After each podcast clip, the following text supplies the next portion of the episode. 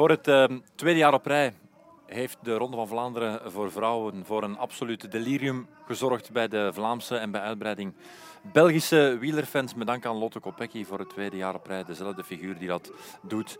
Um, Kopecky is geen sprinter meer. Nee, Kopecky is geen sprinter meer. Mede dankzij, in het begin was dat toch, dankzij de komst van Wiebes. Uh, maar op die manier is hij eigenlijk een beetje getransformeerd in een ander type renster. Ja. Dus dankjewel, Lorena Wiebes. In een type renster dat um, doorgaans de gemiddelde Vlaamse wieler-liefhebber heel graag ziet. Johan Museeuw is ooit van sprinter naar klassiek renner geëvolueerd. Tom Bonen is van sprinter naar klassiek renner geëvolueerd. Wij zien dat wel ergens ja, graag. Dat is zelf initiatief nemen, initiatief durven nemen, de koers lezen en eigenlijk ervoor zorgen dat je weg bent op voorhand. Hè. En dat doet ze telkens opnieuw. Ja.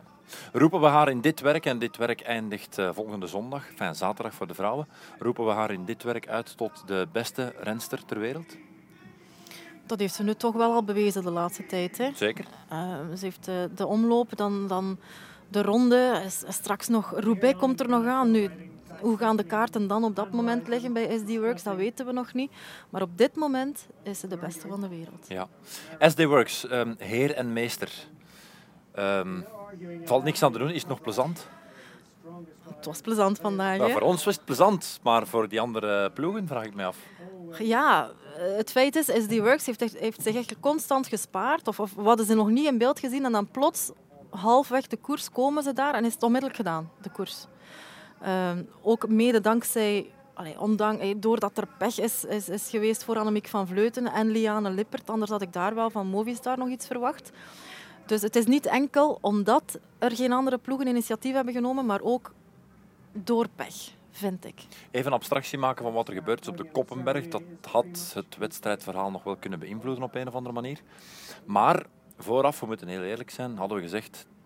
Dit gaat een andere wedstrijd worden. Omdat trek met Longo Borghini onder andere aan de start komt en Van Androoy en zo daarbij. Movistar heeft Van Vleuten er opnieuw bij. We hebben een heel goede Vos gezien. Die komt nu de Jumbo-Visma-troepen aanvoeren. Nee, dus. Nee, maar had Ook dat brengt niks nee, tegen maar had Annemiek van Vleuten niet gevallen, dan hadden we toch een ander verhaal ja, gehad. Denken we nu. Denken we. Ja, ik zeg niet dat Lotte niet had gewonnen, hè, maar dan hadden we toch meer tegenstand gehad.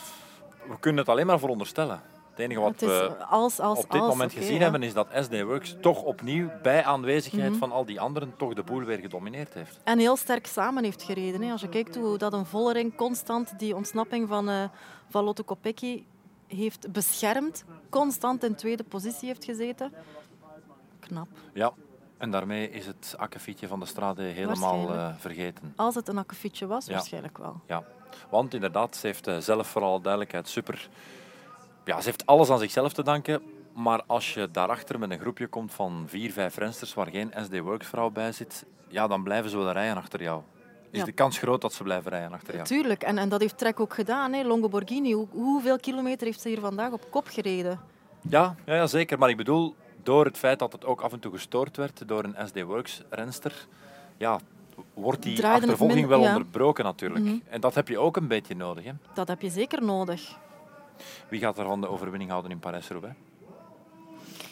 Ja, ik, ik, ik, ik, het eerste was zo, wat in mij op zou komen, maar ze doet niet mee, is Marlene Reusser. Die zou ik daar heel goed uh, in kunnen zien slagen. Maar op dit moment Longo Borghini.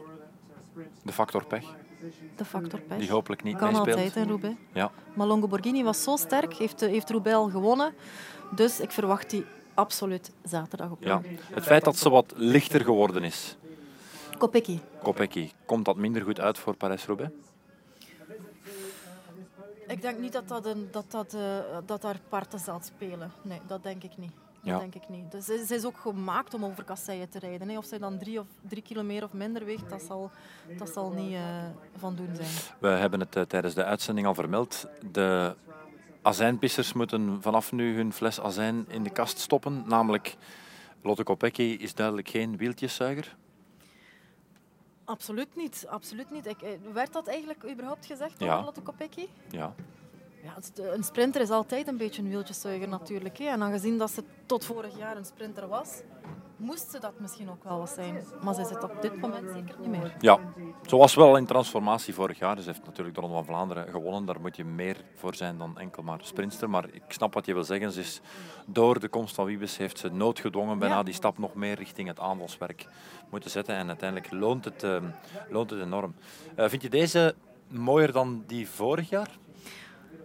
We hadden het wel een beetje verwacht vandaag misschien. En dat maakt het niet, niet minder mooi, maar minder, ja, minder onverwacht. En daarom, De emotie was Ja. hoger of groter vorig jaar. Je dat ja, toch, toch wel een beetje. Ja. Nu, we waren even blij. Hè. En, en doe het maar. Hè. Als topfavoriet is het nog eens moeilijker dan als schaduwfavoriet. Hè. Ehm, Absoluut. Vorig jaar moest je volgen, bij wijze van spreken. inderdaad, moest je volgen. En, en vandaag moest je het gewoon alleen gaan doen. En dan na zo'n solo. Dus dat verdient misschien nog meer respect dan vorig jaar. Hè. Ja, ja die solo, dat is ehm, zelden, zelden gezien in de Belgische vrouwengeschiedenis natuurlijk. Wielrennengeschiedenis. Ehm nog één ding, Van Vleuten. Nog steeds niet gewonnen. Ook nu weer geen rol gespeeld. Ja, pech, oké. Heel veel pech hè, dit jaar. Om Ja. op het nieuwsblad, pech. Ronde van Vlaanderen, pech. Altijd op de slechtst mogelijke momenten. Hè. Net voor de muur, nu net voor ehm, de Koppenberg. Maar vermijd je doorgaans geen pech als je in grote vorm bent? Dat ze dan meer vooraan zou rijden. Nu, dus de valpartij die, die ze vandaag meemaakt, is volgens mij enkel en alleen aan haarzelf te danken ook. hè. Ja.